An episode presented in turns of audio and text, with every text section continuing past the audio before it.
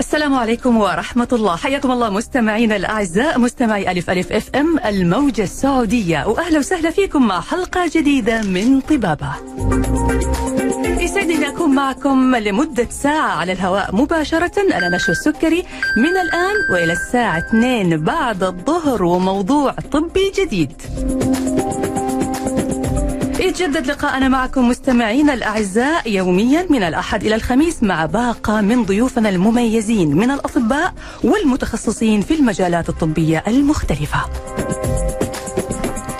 في برنامجنا طباب أعزائي المستمعين نحاول دائما أنه نطرح المعلومة المؤكدة من مصادرها الموثوقة.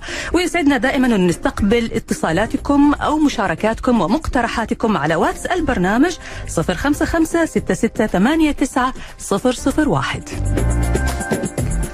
أما موضوع حلقتنا اليوم عزيزي المستمع عزيزتي المستمعة. إذا كنت من الأشخاص اللي يحبوا اقتناء الأشياء والاحتفاظ بها بشكل دائم أو إذا كنت من الأشخاص اللي بيلاقوا صعوبة في التخلص من الأشياء الموجودة عندهم وبيكدسوها ويكتنزوها ويحتفظوا فيها حتى لو ما كان لها حاجة فعلية.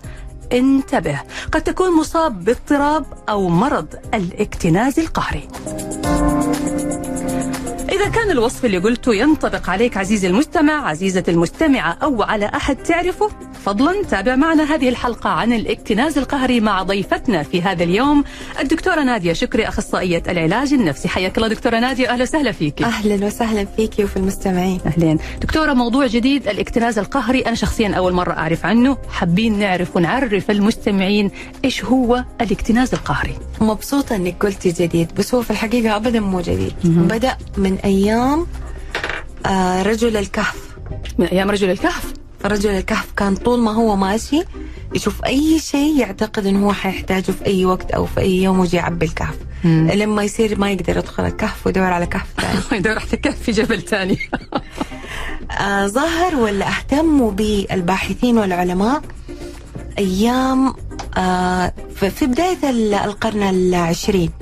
لما صار انهيار اقتصادي في أمريكا وفي أيوة. العالم كله أيوة. كانت في منطقة يسكنوها الاغنياء طيب؟ ولما صار الانهيار الاقتصادي كلهم فلسوا. وهربوا من المنطقة. إلا أخين. كانوا عايشين في فيلا ألف متر. واو. مم. أيوه هذول ليش ما هربوا مع الباقيين؟ خافوا. فضلوا في نفس المكان اللي ظلوا. في نفس المكان. بعد ما فضيت المنطقة جوها الناس الفقراء على أساس ياخذوا البقايا اللي في البيوت ياخذوا الأشياء اللي موجودة مم. في بيوت الأثرياء اللي صابوها وراحوا يدوروا على أما- أماكن تانية مم. هذا التصرف حقهم كانوا هم إيش من الخوف خلاهم يكتنزوا المكان يكتنزوا البيت يكتنزوا الأغراض وما يبحثوا عن حياة جديدة ولا أي حاجة وقفلوا نورهم وقفلوا موياتهم وكأنه ولا أحد عايش في ذا البيت. لكن هم موجودين فيه. هم موجودين في ذا البيت. واحد من الأخين أصيب بالشلل وبالعمى الله يا يحفظه ساتر. أخوه الثاني المحب يخرج في الليل متخفي متنكر يجيب له الأكل يجيب له الأغراض اللي ممكن تنقصهم. جاب كتب الطب يبغى يعالجه ما حيقدر ما يثق في الدكاترة دحين يوديه برا يتعالج. مم.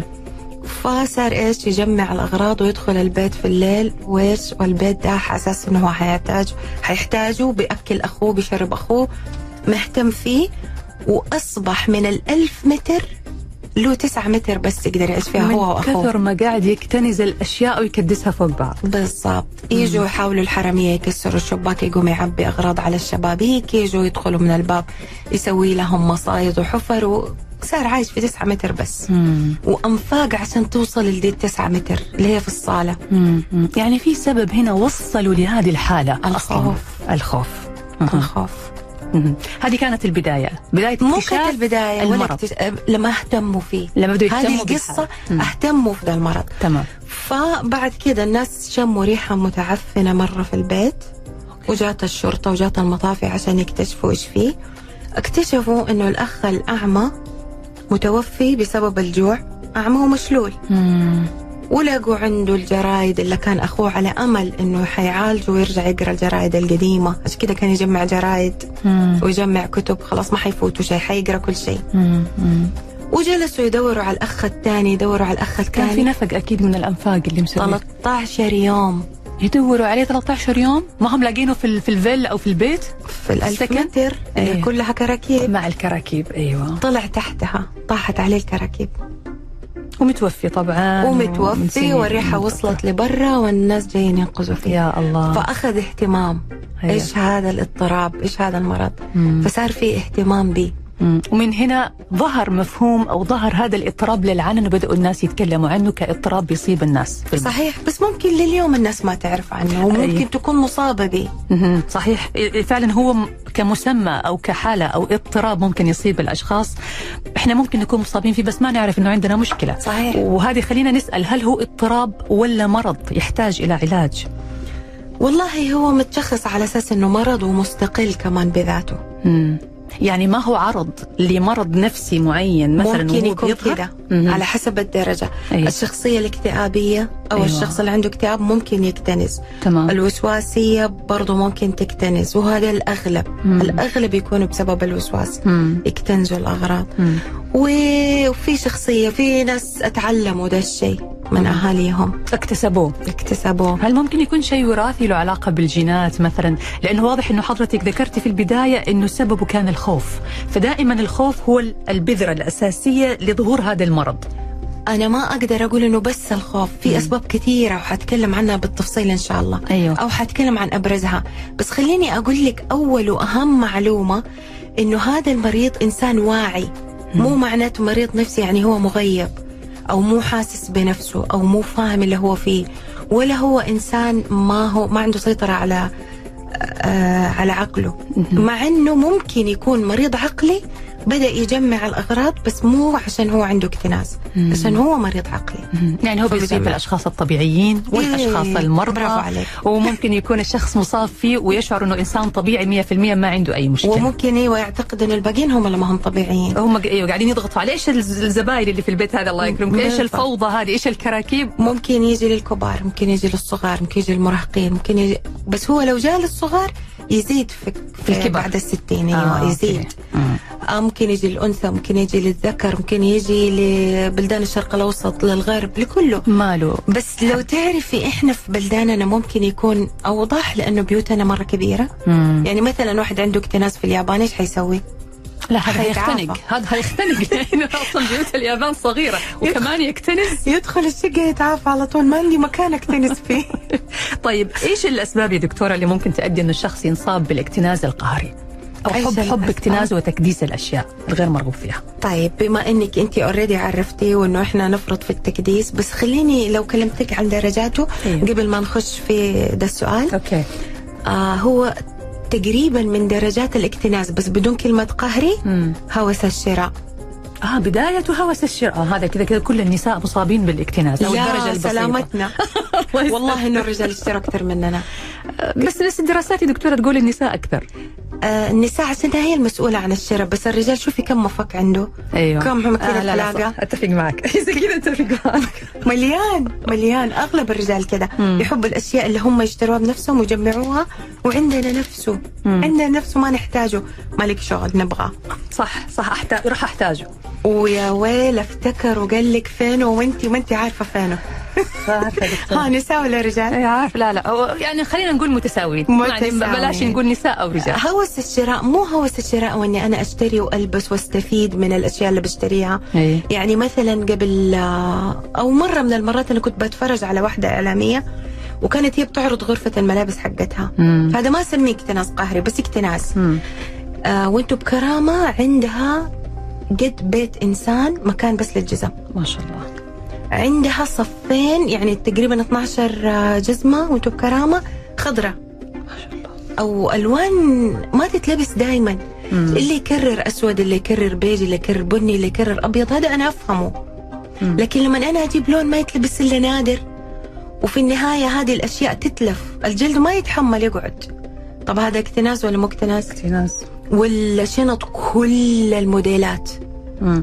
بس ممكن دكتورة تكون هذه طبيعة عملها أو طبيعة باعتبارها إعلامية فلازم تغير وتبدل أكثر من مرة برضه. اكتنزت يعني هي ممكن تتصدق بالباقي ممكن تدي مم. ممكن تستخدم يعني بس إني أجمع كده دواليب عشان أشياء أنا ما أعرف ألاقيها مهم. وبالله عليك أي حلقة ما بتنزل تشتري جديد كمان إيه صحيح صح صح.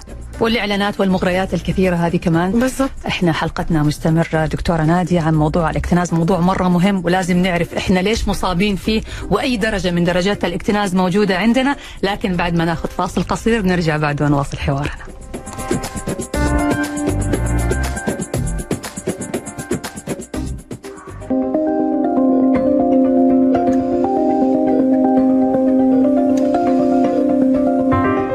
ورجعنا لكم من جديد أعزائنا المستمعين وموضوعنا اليوم عن الاكتناز القهري اللي ما نعرف إحنا مصابين فيه ولا لا. مع ضيفتنا الدكتورة نادية شكري أخصائية العلاج النفسي.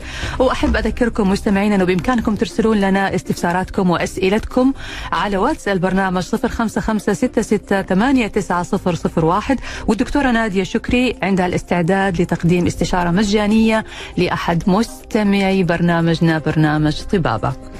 ارحب فيكي مرة ثانية دكتورة نادية. يا أهلا وسهلا فيكي. كنا دكتورة قبل الفاصل نتكلم عن درجات الاكتناز القهري وهذا يدل على إنه أغلبنا عنده اكتناز لكن بدرجات مختلفة. قلتي يبدأ بهوس الشراء. يبدأ. أخف حاجة بهوس الشراء. أنا ليش ذكرت المشتريات اللي تتلف؟ مم. لأن هي أنا بجمعها وبتتلف. يصير هذا اكتناز. مم. هذا ما هو استفادة. مم. معليش الواحد يشتري اللي يبغاه بس لما يكون بيستفيد منه. إذا كان يحب الشراء. تمام. براحته طيب والناس اللي تجمع مثلا سيارات بس بتستخدمها أو ما بتستخدمها؟ يقول لك هواية. على حسب. هوايتي تجميع السيارات. مم. أنا هوايتي تجميع القطع الفنية النادرة. أنا هل هذه الهواية يعني أنا كيف أفرق إنه هذه هواية أو اكتناز؟ هواية يعني أستمتع فيها. مم. ما هي هواية يعني أنا مخبيها؟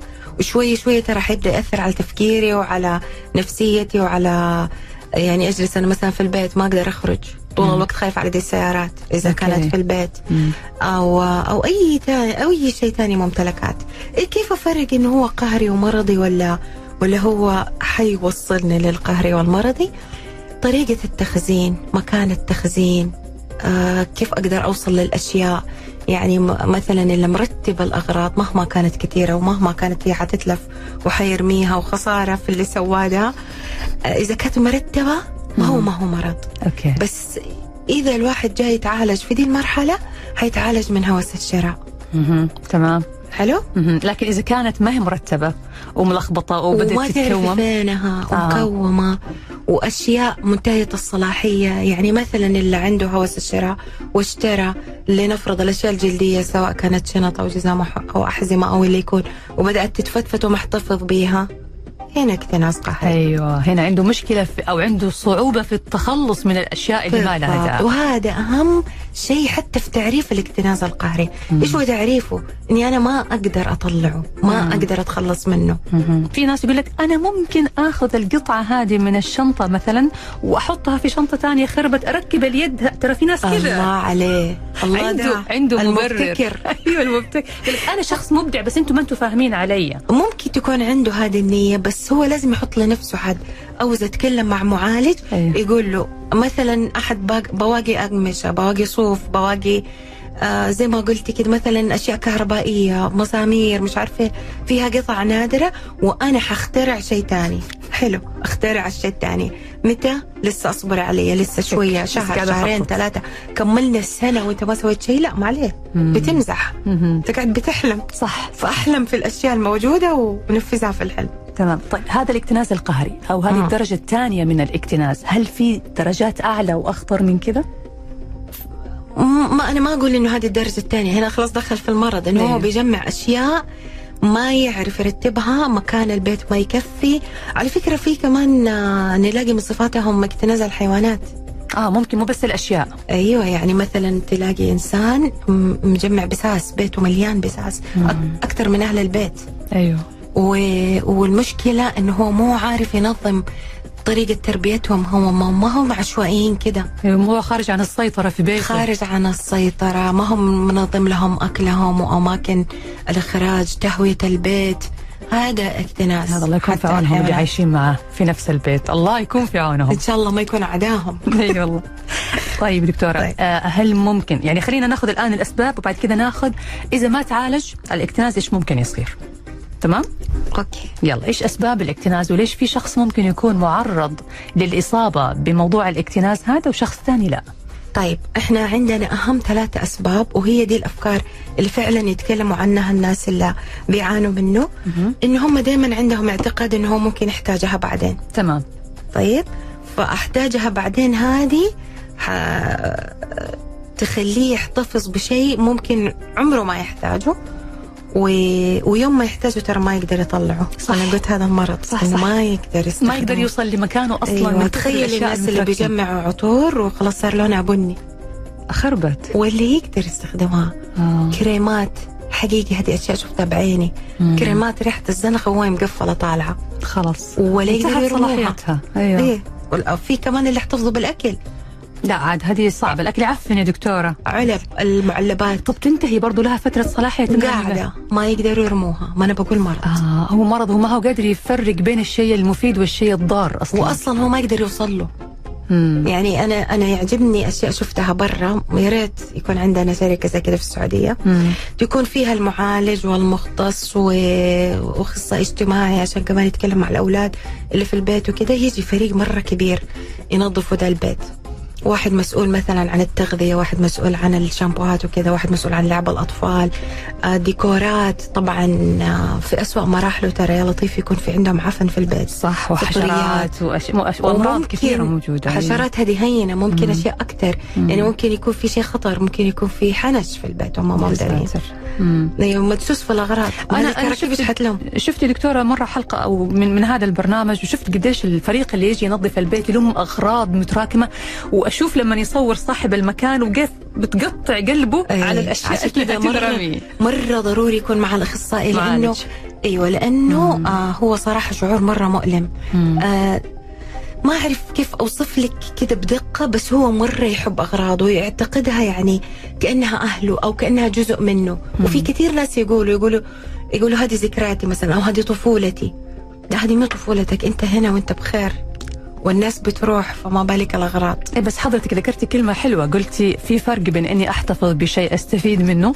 وشيء ما منه فايدة. فإذا أنا بحتفظ بذكريات أيوة بتذكرني بطفولتي أشياء لها قيمة معينة فأوكي هذه ما هي مرضية. لكن أشياء ما لها قيمة وصارت مضرة وممكن تكديسها ما يفيدني بشيء هنا دخلنا في مرحلة الاضطراب. طب لو قلنا إنه في شخص يبغى يحتفظ بذكريات طفولته وغرفة نومه كاملة بألعابها بالمكسر بالكويس أحتفظ به هل هذا سوي؟ لا طبعا أي لا هنا تعدى الموضوع اي شوية ممكن يعني. تكفيني. الصور ممكن يكفيني لبسة واحدة ممكن يعني شيء مرة أحبه مم. أحتفظ به لسه أنا في الطبيعي صح. بس إذا زاد عن كذا لا طيب إيش السبب الثاني أو الأشياء اللي هم يتكلموا عنها أيوة آه إن هم زي ما قلت لك يحبوا الأشياء دي في لها ذكريات معينة س- مثلا أحد يحب جواله القديم أحد يحب آه محفظاته اللي يكون أي أي شيء يكون طيب مع إنه ممكن أحد غيره يستفيد منه ده الشيء ففي علاقة عاطفية بينه وبين الأشياء أيوة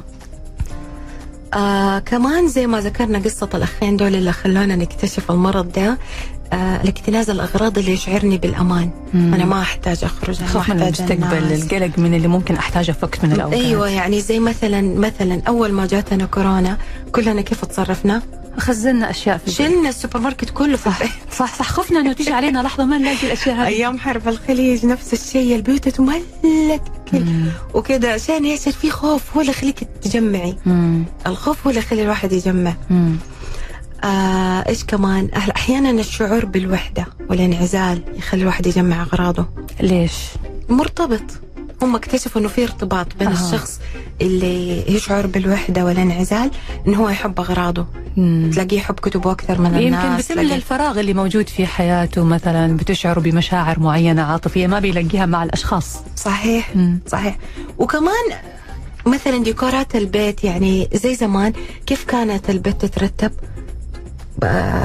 اللي زمان زمان أجدادنا. يكون الجلسة دي العربي وحاطين في الرفوف كل الدلات حقتهم أيوه. وكل كله تاريخ على مر العصور.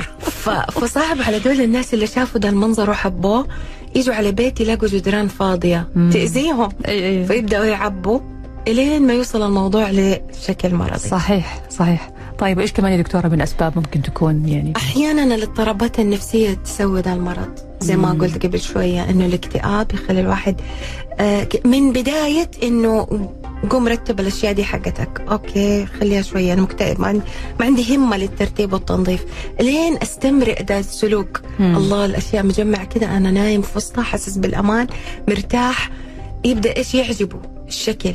إنه هو أصلا في البداية ما كان عنده همة مم. مم. وكمان القلقان آه شعور بالقلق كمان ممكن يصب يسبب الاكتناز القهري إنه أنا. قلقان من المستقبل ممكن قلقان مو كل الناس صراحة مم. زي ما قلت الوسواس والقلق مو كل الناس مم. يعني في مرض عكس الاكتناز القهري بالضبط ناس يرموا كل شيء كل شيء كل شيء هذا موجود عندهم صح. خوف من تجميع أي حاجة مم. الاثنين دول ممكن يكون عندهم وسواس قهري مم. يعني الحين إحنا عندنا الاكتناز القهري وعندنا التفريط القهري. بالضبط. اللي هو الناس اللي ترمي الأشياء حتى لو بحاجتها يمكن يتخلص منها ما يبغى يحط شيء ما يبغى يكدس شيء عنده في البيت. بالضبط. ال- التكديس بالنسبة له يعني يسبب له قلق أو يسبب له شعور بعدم الراحة. مم. بس هذه حاجة صحية يمكن دكتورة إنه أنا أفضي البيت وأروق دائما يعني البيت الفاضي دائما يعطي طاقة إيجابية غير البيت المكدس المكتنز.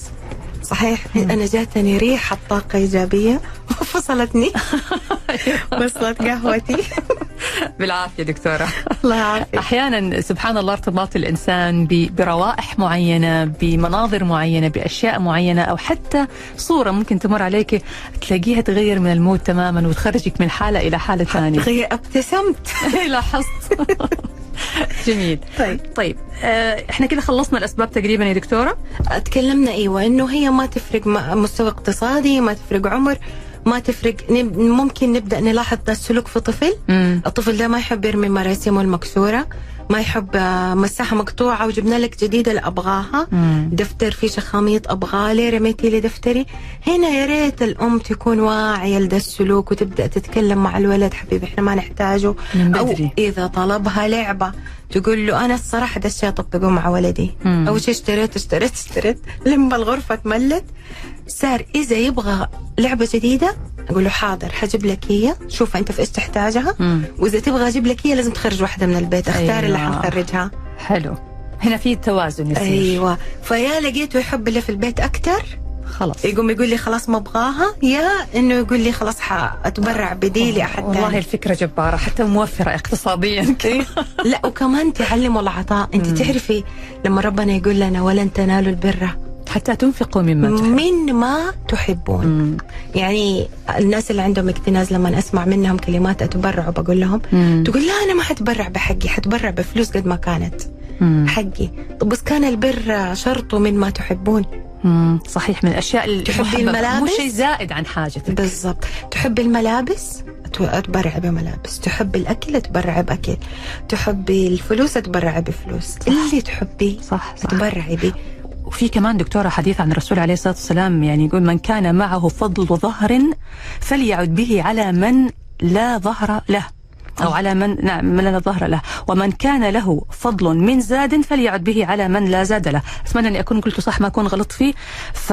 فهذا معناه يعني يقول لك أنه قاعد الرسول عليه الصلاة والسلام يعدد من الأشياء اللي ممكن أنه الإنسان يطلعها لين ما وصلوا الصحابة لاقتناع أنه ما في شيء لنا حق فيه إذا كان زايد عندنا. صحيح. شوفي إلى هذه الدرجة فمعنى أنه إحنا نحتفظ بأشياء زائدة عن حاجتنا ونخليها عندنا هذا غير صحيح. أو هذا حتى يعني يعارض ما الشيء اللي وصى عليه الرسول عليه الصلاة والسلام. صحيح. هذه هي التربية الإسلامية. مم. هو بيعلمنا كيف ما نمرض المرض. نعم. وكيف ما نصاب به. مم. جميل. طيب إحنا دكتورة تكلمنا عن الأسباب اللي بناخذ الفئات. آه نتكلم مين أكثر الفئات وأكثر الأشخاص المعرضين للإصابة بالإكتناز القهري. هنجاوب على هذا السؤال بس بعد ما نطلع فاصل قصير ونعود بعده لمواصلة حوارنا.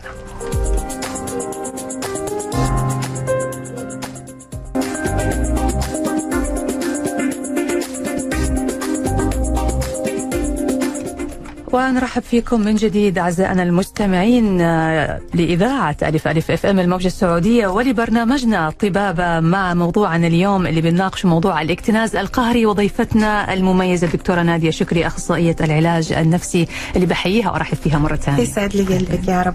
طيب حنقول من هم الفئات المعرضين. نعم. إحنا قبل شوية قلنا إنه كلنا معرضين ما حد محصن.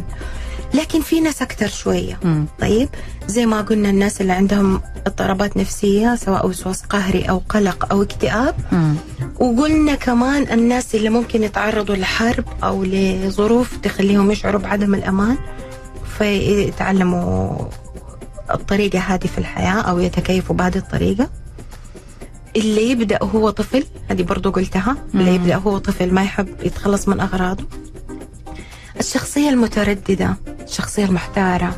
تعرف الشيء اللي يقدم الإنسان اللي يقدم على شيء وبعدين يندم؟ أيوه. هذا يحب الاكتناز. أيوه أكيد لأنه خايف يتبرع فيه أو يطلع وبعدين يرجع يحتاجه فتلاقيه دائما بين القرارين. وكمان عنده اعتقاد إنه لو احتاجه ما حيلاقيه في السوق. مم. مم. طيب الأشخاص اللي بيتعرضوا لصدمات نفسية يا دكتورة؟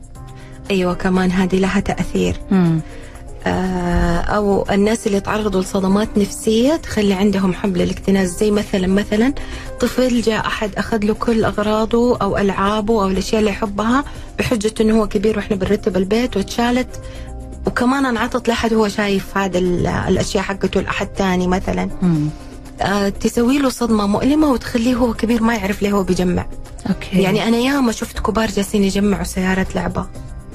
أو ما نسميها لعبة تكون آه، زي آه، أنتيك كده.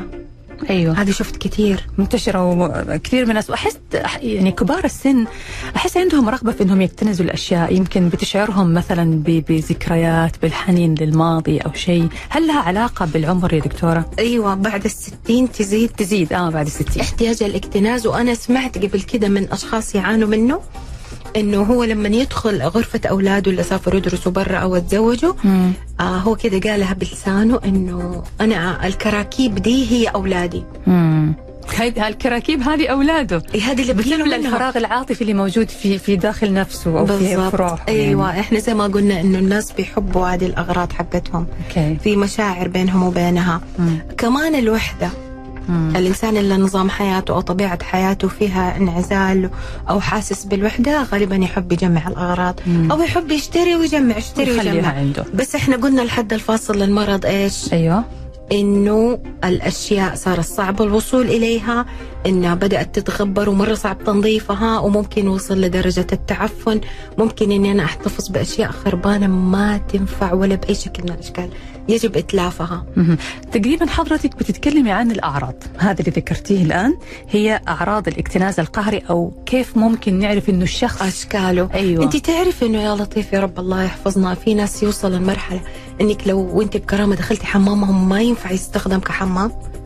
يعني تلاقي مكان الترويش كتب مثلا. أوف. يا الله هذه الدرجة أو وصلت قوارير التكنيس أو تعرف الناس اللي ما يرموا ولا قارورة؟ مم. وهي ترى مصنوعة مثلا زي قارورة الموية. مم. هي مصنوعة لاستخدام مرة واحدة وتترمي. مم. لا تصلح للاستخدام مرة أكثر ثانية. من مرة ما تنفع. هي مرة واحدة صح. بالضبط. هم يجلسوا يجمعوها أو يجمعوا أشياء جواتها.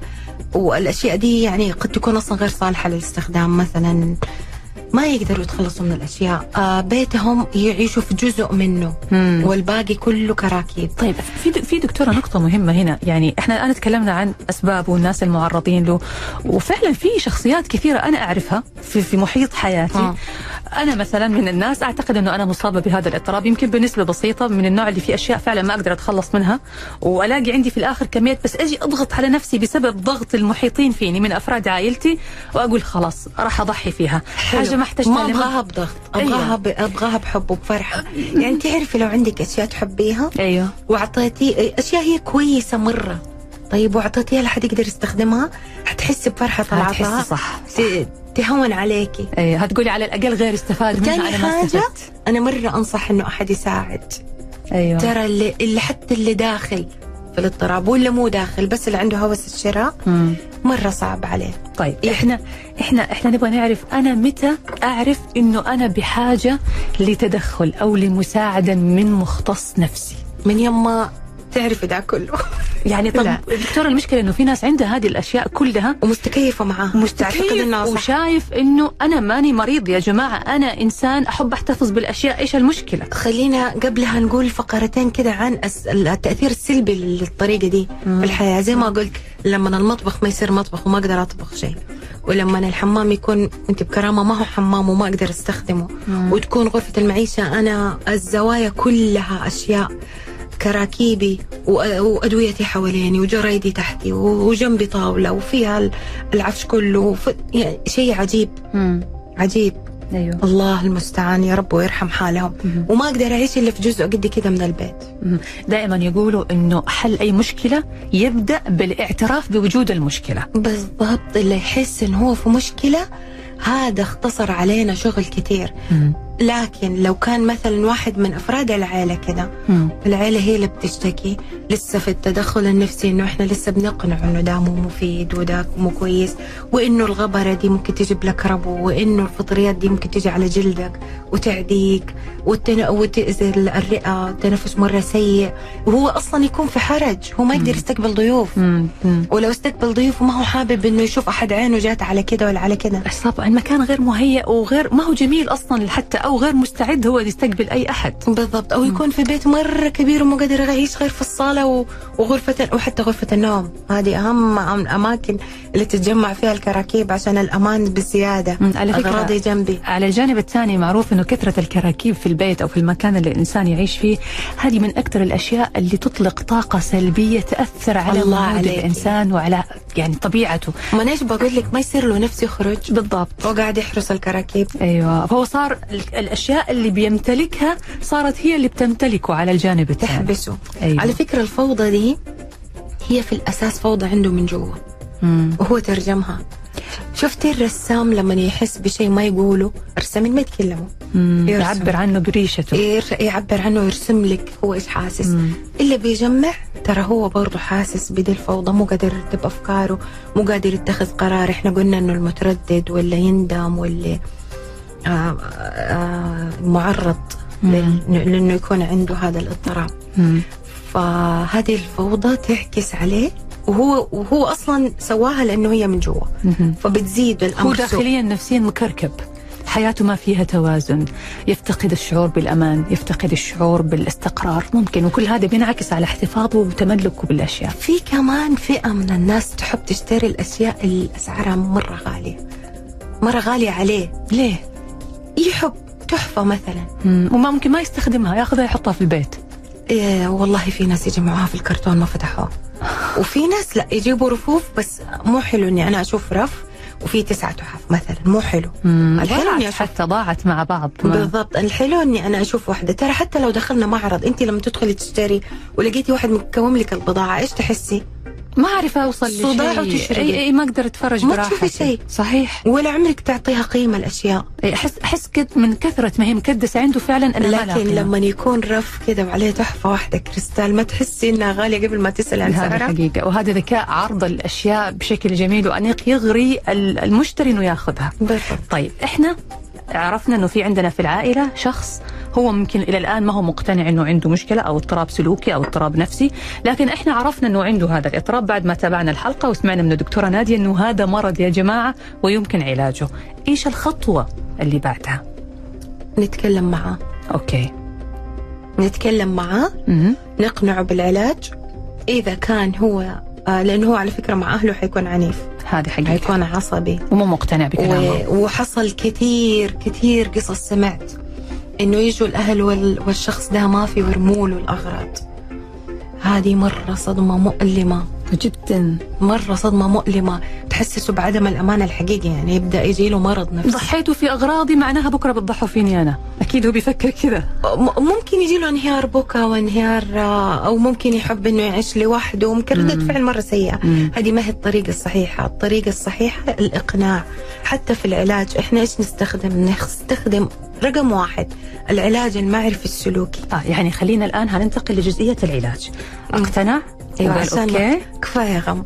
خلاص. نخش ندخل الأمل. في الشيء إنه أيوة. هذا هذا الاضطراب أو هذا المرض الحمد لله رب العالمين له علاج. فإحنا الآن جاكي الشخص اللي عنده هذه المشكلة. وأنت استقبلتيه وهتبدأي تعالجي. حلو. يتم العلاج. رقم واحد إذا ما كان حاسس بالمشكلة حنبدأ نتكلم معاه عن المشكلة. مم. ونبدأ نقنع أنها مشكلة. ونبدأ نوريه صعوبة الحياة مع هذه المشكلة. okay ممكن كمان في بعض الحالات مرة حلو الشغل معاهم على الطفل الداخلي آه تبدأي تسترجعي معاه ذكريات يعني شوفي قديمة السبب. تشوفي ليش عنده المشكلة هذه في الاكتناز أيوه ليش إيش السبب إنه هو يحب الاكتناز؟ ليش دي الأشياء أغلى منه أو أغلى من الناس اللي فقدهم؟ مم. لأنه هو صدمة الفقد أحيانا تسوي اكتناز على طول okay صدمة. فقد شخص عزيز وغالي عليك تخليك أيوة. تحتفظ بالأشياء وتكنزها خوفا من إنك تفقدها هي كمان كأنك تعوض مم. بشكل لا شعوري ولا إرادي كأنك مم. بتعوض في الأشياء okay طبعا العلاج الدوائي مهم مهم. طيب إيش إيش طبيعة العلاج الدوائي دكتورة بتعطي له مهدئات إيش؟ لا ما في مهدئات في مضادات الاكتئاب آه ياخذ مضادات اكتئاب مضادات اكتئاب لأنه آه هو أول حاجة عنده شعور بالحزن من الوضع اللي هو فيه مم. هو مو مبسوط لأنه هو إنسان واعي مم. زي ما قلت في البداية مريض الاكتناز القهري هو إنسان واعي تماما وفاهم وعارف إيش مجمع وعارف ليش مجمع هو إنسان واعي ما هو إنسان مغيب آه بعد العلاج حينسى كل شيء لا مم. هو واعي فيأخذ مضادات الاكتئاب لأنه شوية كمان وقت التخلص من الأشياء بالذات إذا كان تخلص جذري من الأشياء ممكن يخليه فترة شوية مكتئب مم. فالدواء مرة مهم معانا في البداية إلى أن نخلص إلى أن تخلص فترة العلاج إلى أن إن شاء الله بإذن الله يمارس حياته طبيعي جدا. ممتاز. يعني معلش دكتور بس عشان أكد على هذه الجزئية حضرتك بتبدأي تشخصي المرض أو بتشخصي الحالة الشخص اللي جاكي بتشوفي هو أي درجة من درجات الاكتناز تضعي له خطة علاج بعد كذا. العلاج بيكون استرجاع آه، الماضي أو بتشوفي بتبحثي داخله عشان تعرفي إيش السبب اللي أدى إلى إنه جاء الاكتناز وفي نفس الوقت ممكن تعطي له بعض الأدوية على أساس إنه لو عنده اكتئاب أو عنده مشاكل نفسية برضه نعالجها فهذا بالتوازي مع هذا يكون خطة العلاج. أيوه يخليه ينتقل بشيء مريح. حلو. أنا سمعت كنت بتقولي ضغط قلت لك بدون ضغط. بدون ضغط. ما أبغى ضغط. ب- برغبة داخلية حقيقية بالضبط. منه ومرة ضروري إنه يكونوا الأهل اللي ما هم مصابين بهذا المرض آه، يكونوا مرة سند ودعم وأنا معاكي ولا ولا مثلا إذا كانت مرأة أو أنا معاك لا تخاف هذه مشكلة حنحلها الحياة حتصير أحلى البيت حيكون أجمل. في ناس اضطروا ينقلوا أصلا من بيوتهم عشان ما يشوفوا الأشياء إلا مم. صعب اللي راح- هو أصلا إيه. يخرج الأشياء هذه فتركها كلها. بالضبط. والشخص اللي مثلا ما هو قادر ياخذ قرار نحط له خطة كيف ياخذ قرار كيف يبدأ كيف ننتهي في الشهر ده إيش حنسوي؟ الأغراض دي مو غالية؟ سواء غالية الثمن أو غالية علي؟ أنا حنبسط فيها أكثر وهي فوقها التراب ولا والناس بتستخدمها؟ مم. يعني أنا شعور بالسعادة راح أشعر فيه لما أعطي الأغراض هذه الأحد يستفيد منها. متعة العطاء مرة حلوة. أو حتى إني أبيعها لأي جهة من الجهات اللي بتاخذ الأشياء القديمة أطلع ممكن. فلوسها أتصدق فيها مثلا. إذا ما كان في جهة ممكن أطلع تاخذها فلوسها أشتري شيء ناقصني. وصدقيني فعلا التصدق ب- بقيمة الشيء هيشعرني إنه أنا أخذت قيمته حتى لو ما استفدت من بأي حاجة لي أنا. صحيح. لكن شعوري بإنه أنا أرضيت ربي سبحانه وتعالى. بأنه أنا أخذت حسنات بأنه أنا أخذت أجر وثواب اكتنزته للآخرة اكتنزته لوقت آخر هكون محتاجة. علماء السعادة اجتمعوا على أنه العطاء والصدقة هي سبب السعادة الحقيقية. يا سلام جميل. ما هي بالممتلكات ولا هي بالخرجات ولا هي بأي شيء ثاني. نسب التشافي يا دكتورة من المرض هذا مرتفعة؟ يعني إذا الشخص بدأ العلاج يتشافى منه إن شاء الله؟ يقدر يوصل للتكيف يتكيف معه أيوه مم. ويبدأ يتعلم ما يشتري شيء هو أصلا حيبدأ يخاف يشتري مهم. ي- يبدأ يبطل الشراء الشيء الزايد اللي ما يحتاجه مم. أوكي. وفي أشياء للاستعارة وفي أشياء كذا يعني. تصير الحياة أسهل. جميل يا دكتورة. إحنا لازال آه، حوارنا مستمر وحلقتنا مستمرة وبعد ال- الفاصل إن شاء الله هناخذ أسئلة المستمعين اللي أرسلوها لنا من بداية الحلقة. هنواصل حوارنا عن موضوع الاكتناز القهري والعلاج من هذا الاضطراب أو من هذا المرض اللي بيصيب بعض من الأشخاص بدون ما يعرفوا إن عندهم مشكلة حقيقية تحتاج العلاج. هنكمل حوارنا بعد الفاصل.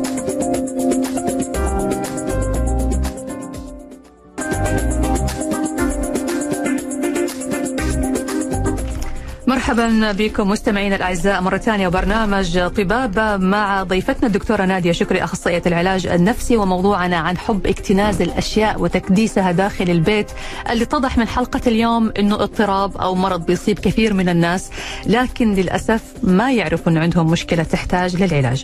بنرحب باستفساراتكم مستمعينا الكرام وأسئلتكم على واتس البرنامج 055 66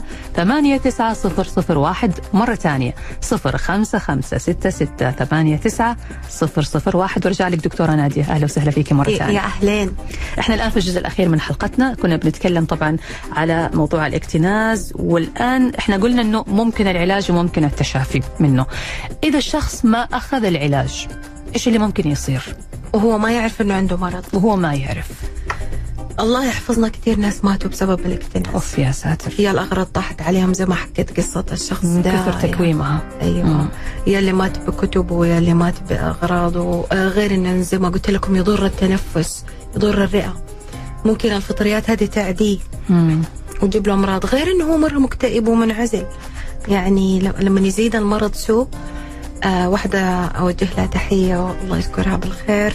وإن شاء الله بإذن الله إنها تكون دحين في قلب العافية قررت تتعالج بس تراجعت لانها هي سعيدة بوجود هذا الاضطراب هذه مشكلة دكتورة إنه الشخص لحاله صعب يطلب العلاج وهذه تعتبر مسؤولية أفراد عائلته أو المحيطين فيه ما حد قادر عليها مسكينة ما حد هي. مم. وساكنة في بيت مرة كبير ما عندها في بيتها إلا مترين يمكن في مترين عايشة فيه حتى في الثلاجة محتفظة آه، كان عندها سلحفة توفت.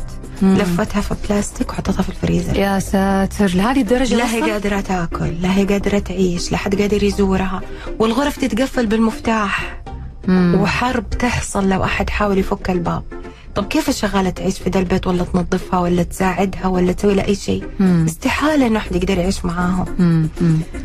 ف مشكلة هذه كبيرة فعلا وزي ما قلت لك ما يحبوا يطلعوا من البيت يحبوا يجلسوا مع أغراضهم مم. وما في مكان أحد يجيهم أي أحد يجي حيلمس حيشوف حيمسح حينظف حيزعجهم يعني هو في النهاية الشخص المصاب بهذا الاضطراب هيوصل لمراحل مختلفة من الاضطرابات والأمراض النفسية.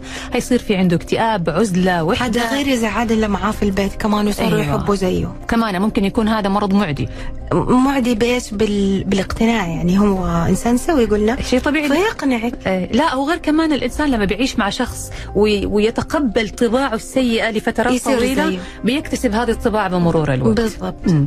طيب سؤال يا دكتورة. هل ممكن هذا الاضطراب ينتقل من حب تملك الأشياء لتملك البشر. يعني أنا مثلا في عندي أشياء معينة ما أبغى أفرط فيها.